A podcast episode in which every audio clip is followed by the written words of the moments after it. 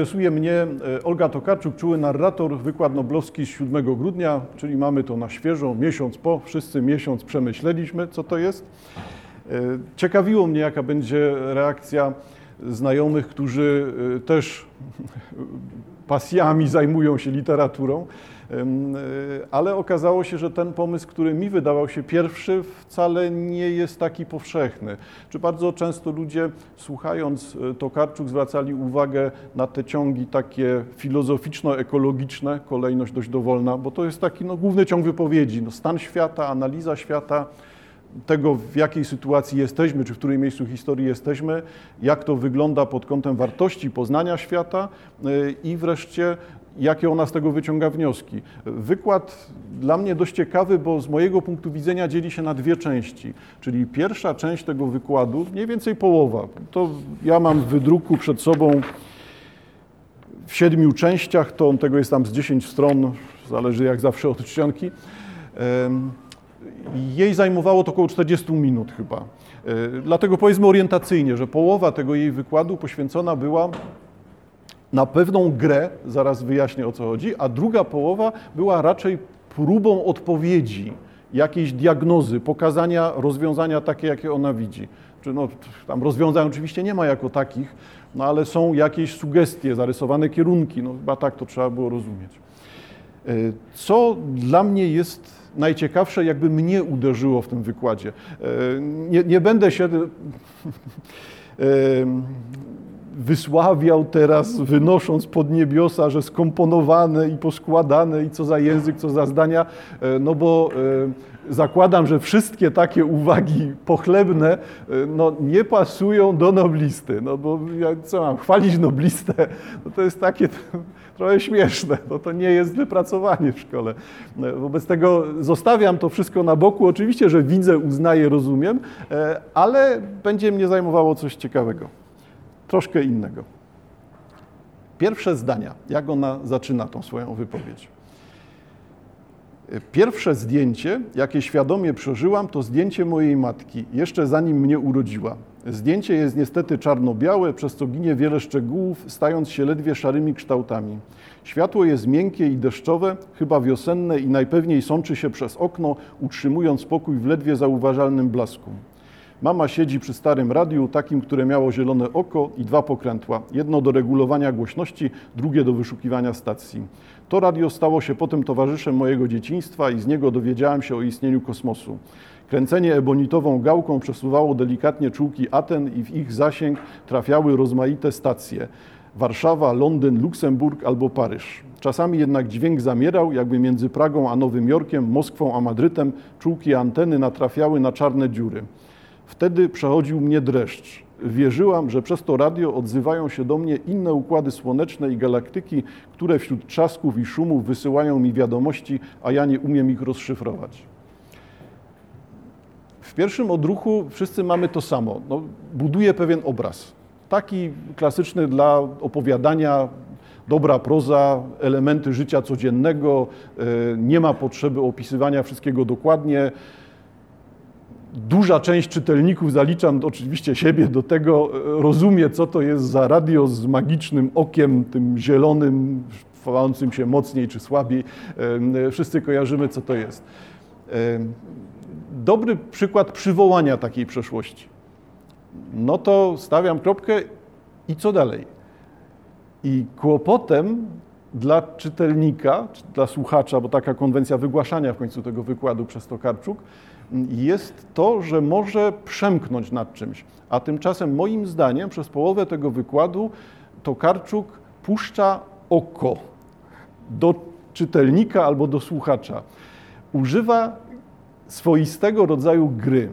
Ona szyfruje w tym tekście, czasem mówiąc wprost, żeby to nie było tak, że sobie ja to wziąłem i wymyśliłem że tam tego nie ma.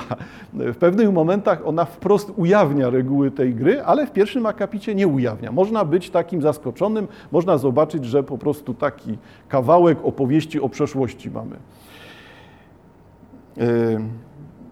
No i jednak, tylko od czego by tu zacząć? No poprzestanę na trzech punktach. Pierwszy punkt, który tutaj będzie może najmniej oczywisty, ale dla mnie chyba też jeden z, ciekawszy, z ciekawszych, refleksja dotycząca fotografii, fotografii w ogóle. Jedna z najbardziej znanych książek Rolanda Barta, no, chyba najprościej powiedzieć filozof współczesny, Rolanda Barta, Barta nosi tytuł Światło obrazu, uwagi o fotografii. Książka ukazuje się w 1980 roku, w Polsce ukazuje się w 1996. I Bart w uwagach o fotografii robi to, co my tu widzimy. Czyli no możecie Państwo teraz podejrzewać, że ja wymyślam. To znaczy, ja dopisuję to Karczuk to, że ona pisze to na podstawie jakiejś książki. No, nie do końca tak jest, ponieważ ona za chwilę zacznie ujawniać to, że ja właśnie do Was mówię o książkach. Czasem wprowadzi tytuły, czasem wprowadzi bardzo czytelne aluzje. E, książka Barta poświęcona jest temu, na czym polega postrzeganie świata, postrzeganie świata przez fotografię. Fotografia jest rodzajem uchwycenia czegoś, uchwycenia w bezruchu, zarysowania. E, wcale nie ma tej specyfiki filmu, że uczestniczymy w działaniach, w dzianiu się czegoś, tylko widzimy pewien pomysł na rzeczywistość. Fotografia jednocześnie jest tłumaczeniem tej rzeczywistości. Od fotografa zależy, co my tam widzimy. Przypomnijcie sobie Państwo klasyczną czarno-białą fotografię. Nie chodzi o takie zdjęcia z komórki seryjnej i wszystko jedno, jakie światło, zawsze efekt jest taki sam. E, tylko mówimy o tym, że możemy na zdjęciu wywołać coś takiego, że y, będziemy widzieli tylko profil osoby, a sama twarz będzie czarna. Albo w drugą stronę będziemy widzieli twarz, ale będziemy widzieli ją na rozmytym, zakomponowanym odpowiednio tle. Czyli w ten sposób fotograf może pracować, może pokazywać, co w świecie pokazywanym na fotografii jest ważne. W ten sposób robi komentarz do rzeczywistości. Y, tutaj Tokarczuk pokazuje na pierwszym planie tą fotografię, pokazuje pamięć przez tą fotografię i pokazuje ten moment uchwycenia świata, próby zrozumienia świata przez obraz. Gdyby to miał być koniec, to ja bym powiedział tak, no to ona mówi o jednym, ja mówię o drugim, tak mi się to kojarzy, pasuje mi to, ale to wcale nie oznacza, że ona to zaprojektowała. A zabawne jest to, że ona to zaprojektowała. Zakłada Tokarczuk, że czytelnik może zrozumieć to, co jest głównym ciągiem jej opowieści, tej 40-minutowej opowieści, zrozumieć przejścia, które ona wykonuje, nadążyć za tym, co się głównie dzieje, ale zakłada, że ktoś może rozumieć żarty, które tu się pojawiają. Przez żarty rozumiem przywołania tekstów komentujących jej wypowiedź. Ona wie, że pisze w nawiązaniu do czegoś, czy wygłasza ten tekst w nawiązaniu do czegoś, ale zastawia słuchaczowi, czytelnikowi inwencję. Albo zobaczysz, z czym to się łączy, albo zobaczysz tylko tą główny ciąg. E, to jeszcze raz pokazuje sprawność, no ale tak jak wspominałem w pierwszym zdaniu, nie da się odebrać tej sprawności noblistce. E, dla mnie ten przykład z Bartem ciekawy, ale, ale może to być przypadek. No to zauważcie Państwo dalej. Zmieniam tekst, ten sam akapit. W 2001 roku ukazuje się tom, bardzo nietypowy tom Tadeusza Różewicza, Matka odchodzi. E, tom złożony i z prozy, i z poezji, i z tekstów powracających z przeszłości, dotyczących jakiejś sytuacji z jego matką, wypowiedzi innych postaci, między innymi wypowiedzi brata e, Tadeusza Różewicza, e, wypowiedzi dotyczących matki oczywiście, i to składa nam się na jedną opowieść, z różnych punktów widzenia opowieść o matce. Zauważcie Państwo, to jest początek. Początek tego tomu Różewicza Matka odchodzi. Początek wypowiedzi Tokarczuk to jest wypowiedź dotycząca matki, pamięci o matce. Teraz, kiedy piszę te słowa, oczy matki spoczywają na mnie. Te oczy uważne i czujne pytają, milcząc, e, co cię martwi, synku? Odpowiadam z uśmiechem, nic, wszystko w porządku, naprawdę, mamo. No powiedz, mówi matka, co cię trapi? Odwracam głowę, patrzę przez okno. Oczy matki wszystko widzące patrzą na, urodzi na urodziny, patrzą przez całe życie i patrzą po śmierci z tamtego świata. Nawet jeśli syn zamieniony został w maszynę do zabijania albo zwierzę mordercę, oczy matki patrzą na niego z miłością. Patrzą. Zauważcie Państwo, że to jeżeli jeszcze nie jesteście przekonani, to będziecie przekonani za 20 minut. Y, ta, te zbieżności są tutaj ewidentne. No to jest ten sam sposób. To nie jest pamięć o matce, moja matka zawsze lubiła jeść na śniadanie to i to. Tylko to rozgrywa się, opowieść Tokarczuk, przykład Tokarczuk i początek tomu Różewicza Matka odchodzi, dotyczy tego samego. Spojrzenia, patrzenia, obrazu, pamięci obrazami. Co z pamięci powraca? Nieruchome, nieruchoma migawka, jedna sytuacja, jedno wrażenie. No dobra, ale możecie Państwo powiedzieć, że to znowu, no to jest przypadek, że te zbieżności są czytelne dla mnie, no bo y, mi się to kojarzy z innymi książkami, a się nie musi kojarzyć i to przypadkiem może wychodzić. No, ale jesteśmy w tym samym momencie dalej. Pierwszy akapit. Yy, 2017, w 2017 roku e, ukazuje się książka Marcina Wichy, e, Rzeczy, których nie wyrzuciłem. Jeżeli Państwo nie trafiliście, to akurat polecam dobry kawałek prozy. E, Marcin Wicha, Rzeczy, które nie wyrzuciłem. I to w całości jest opowieść o jego matce, i rozgrywa się w tej samej tonacji, nie w opowieściach o tym, jaka to matka była, jakie cechy posiadała, ile to ja pamiętam, jak mnie ukształtowała. Nie ma tego, tylko pojawia się wypowiedź w migawkach, w ujęciach, w zbliżeniach. Czyli y, mamy jeden akapit u Tokarczuk, do którego spokojnie można dołożyć trzy książki, które ona ma w pamięci, budując jeden obraz. Dobrze, ale Państwo powiecie, no i co z tego, że jeden akapit to w końcu jest 40 minut, a nie minuta, jeden akapit. Jest tego więcej. No ale e, specyfiką to karczu moim zdaniem jest to, że tutaj wszędzie jest to samo przymrużenie oka. Wszędzie jest podobna stylizacja, pewny, wszędzie mamy podobne sugestie, odwołania do innych tekstów, do innych książek. To Karczuk, budując swoją wypowiedź, wie, że nie mówi tego sama. Ona nie wymyśla tego od zera. Ona rozumie, że każda wypowiedź jest powiązana, uwikłana w symbiozie z wypowiedziami innych ludzi. Nie ma sensu uważać, że jak coś się mówi, to mówi się po raz pierwszy i nikt tego wcześniej nie powiedział ona warsztatowo, to Karczuk zdaje sobie sprawę z tego, że tak to właśnie funkcjonuje. Czy to jest taka prosta sprawa, że y, mówimy tutaj o intertekstualizmie i koniec? Y, no nie. Intertekstualizm to jest taka współczesna, y, to jest takie współczesne podejście do literatury, współczesny pomysł na rozumienie literatury, która jest w tym zespole powiązań, która zawsze funkcjonuje jako zbiór nie ma tekstów pojedynczych. Intertekstualizm wskazuje, że teksty nawiązują do tekstów, które nawiązują do tekstów, które nawiązują do tekstów. Wobec tego im więcej znam, znasz tekstów, tym więcej widzisz znaczeń w dowolnym z tekstów. Nie ma tekstów izolowanych, pierwszych, niepowtarzalnych, jedynych, jakby bezwzględnie źródłowych, że nic takiego wcześniej nie występuje. E, mamy tylko teksty, które nawzajem się tłumaczą, nawzajem się komentują. Jest to swoistego rodzaju sprzężenie zwrotne. Możemy powiedzieć inaczej synergia, czyli że pojedynczo te teksty znaczą mniej dla czytelnika niż w sytuacji, gdy czytelnik zna wszystkie teksty.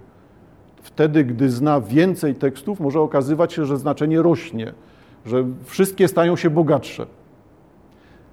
E, jeżeli przypiszemy do dziesięciu tekstów jedynkę, to suma znaczenia tych tekstów to nie jest 10, tylko 12, 15 i w tym momencie widzę jakby synergię, że następuje wzrost znaczeń. Intertekstualizm pozwala na to, żeby tak teksty rozumieć. One nie są izolowane, one grają ze sobą. To nie jest mój pomysł. To jest jakby powszechnie przyjęty od kilkudziesięciu lat sposób rozumienia literatury, który warsztatowo u Tokarczuk jest widoczny. Ona zakłada, że pisząc jeden obraz o matce, E, wie, że można odwołać się do tego, do tego i do tego. A czemu jeszcze nie do czegoś innego? E, no właśnie, proszę Państwa, od razu zastrzegam się, że ja wcale nie wyczerpuję tej listy.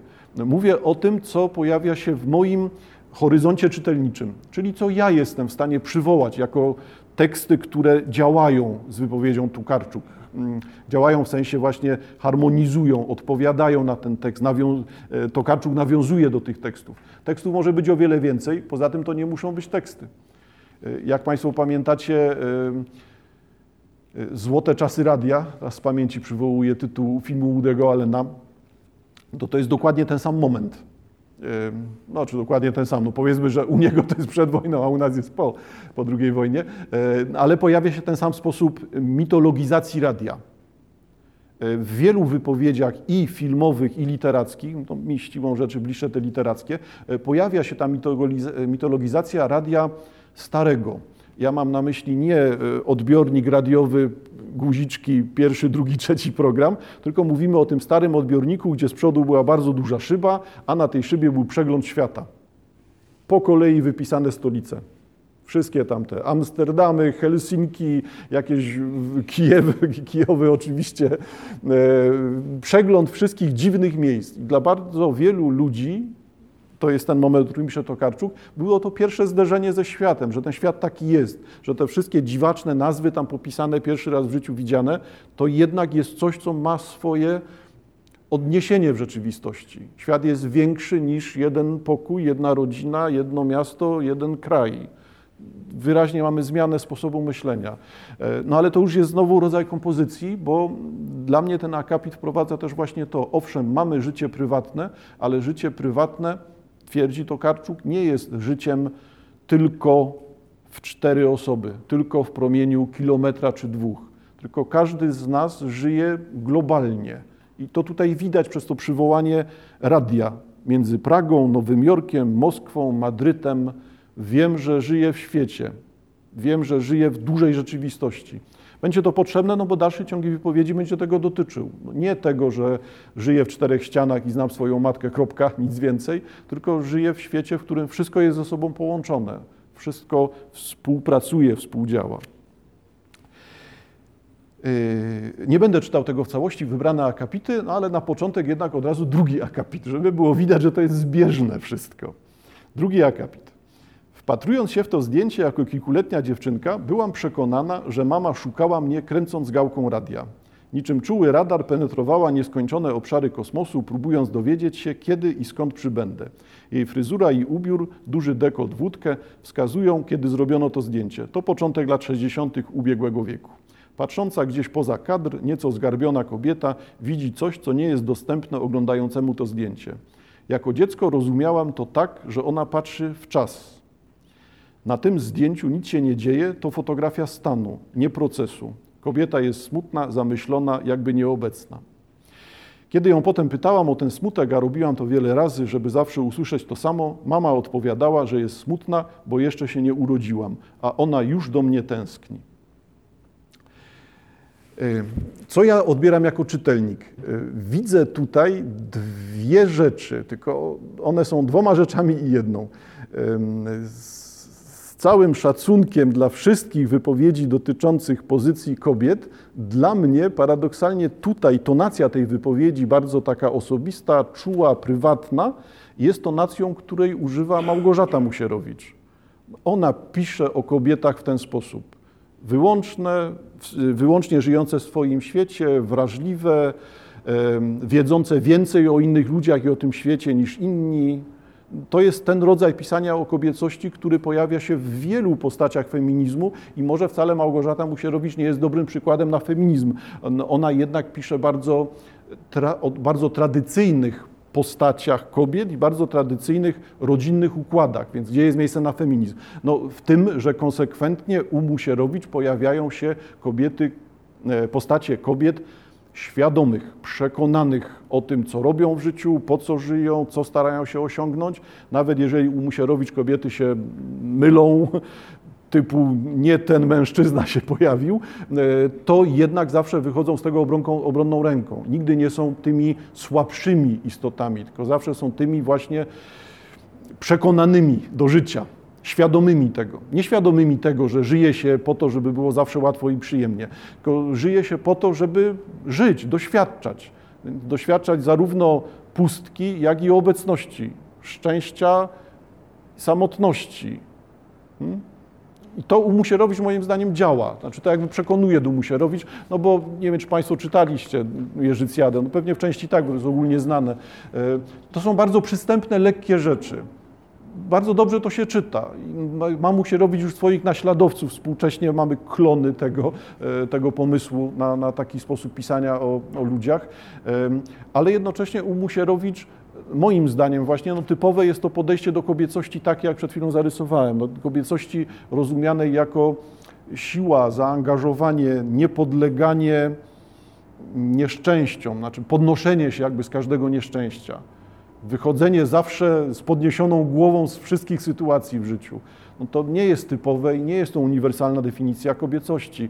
No a tutaj pojawia się i to jest jednak ta kobiecość, która moim zdaniem brzmi w zgodzie z feminizmem. Feminizmem rozumianym właśnie jako poczucie odrębności, wartości, samodzielności, świadomości życia, swojego czy swoich celów życia. No, nie będę się zakopywał teraz feminizm. E, no to zauważcie Państwo, no dobra, ale to możecie powiedzieć, e, jest to przypadkowa zbieżność. Bo po raz kolejny może być ten sam argument. To ja widzę, a to nie oznacza, że tam to jest. No to, to zobaczmy. Jeżeli kolejny argument Państwa nie przekona, podejrzewam, że może mi się już dalej nie udać.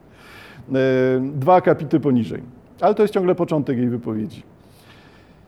Hmm. Krótka wymiana zdań na zachodniej polskiej prowincji pod koniec lat 60. XX wieku, wymiana zdań między moją matką a mną, jej małym dzieckiem, utkwiła mi na zawsze w pamięci i dała zapas mocy na całe życie.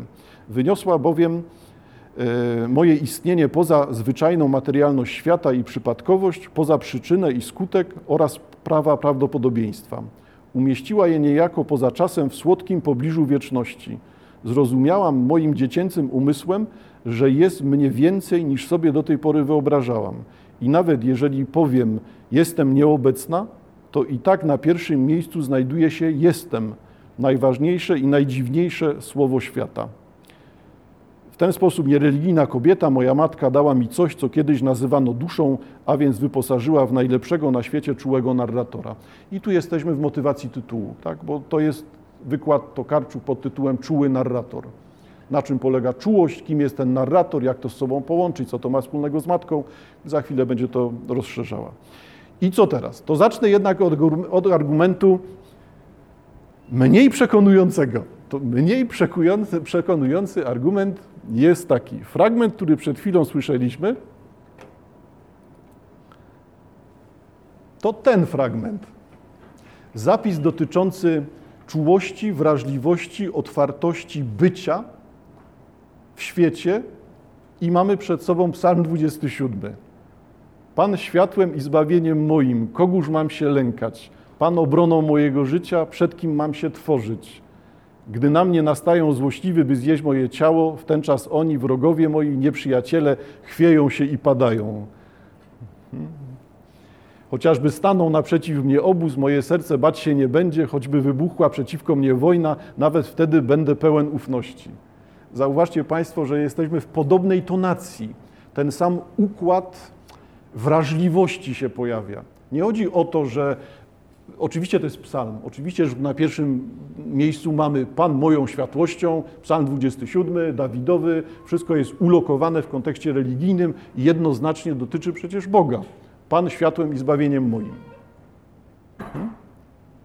W tym fragmencie mamy ten sam zapis, tylko tyle, że nie jest to tak kawa na ławę wyłożone. No bo zauważcie Państwo, nawet jeżeli powiem, jestem nieobecna, cytuję to Karczuk, to i tak na pierwszym miejscu znajduje się jestem.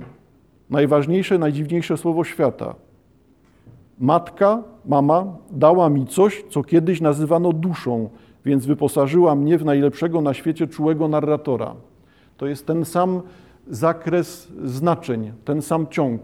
Czy ona używa tutaj słowa Bóg? Nie, ale wprowadza nam duszę i wprowadza ten sam zakres pojęć. To jest argument mniej przekonujący, że, że to, Karczuk prowadzi z nami grę, że to Karczuk stara się sprawdzić, czy ktoś czytał książki, które ona czytała. E, przy czym ja oczywiście wiem, że tych książek jest zdecydowanie więcej niż to, co ja Państwu pokazuję, e, ale czemu nie? To zauważcie Państwo. Zmieniamy przykład.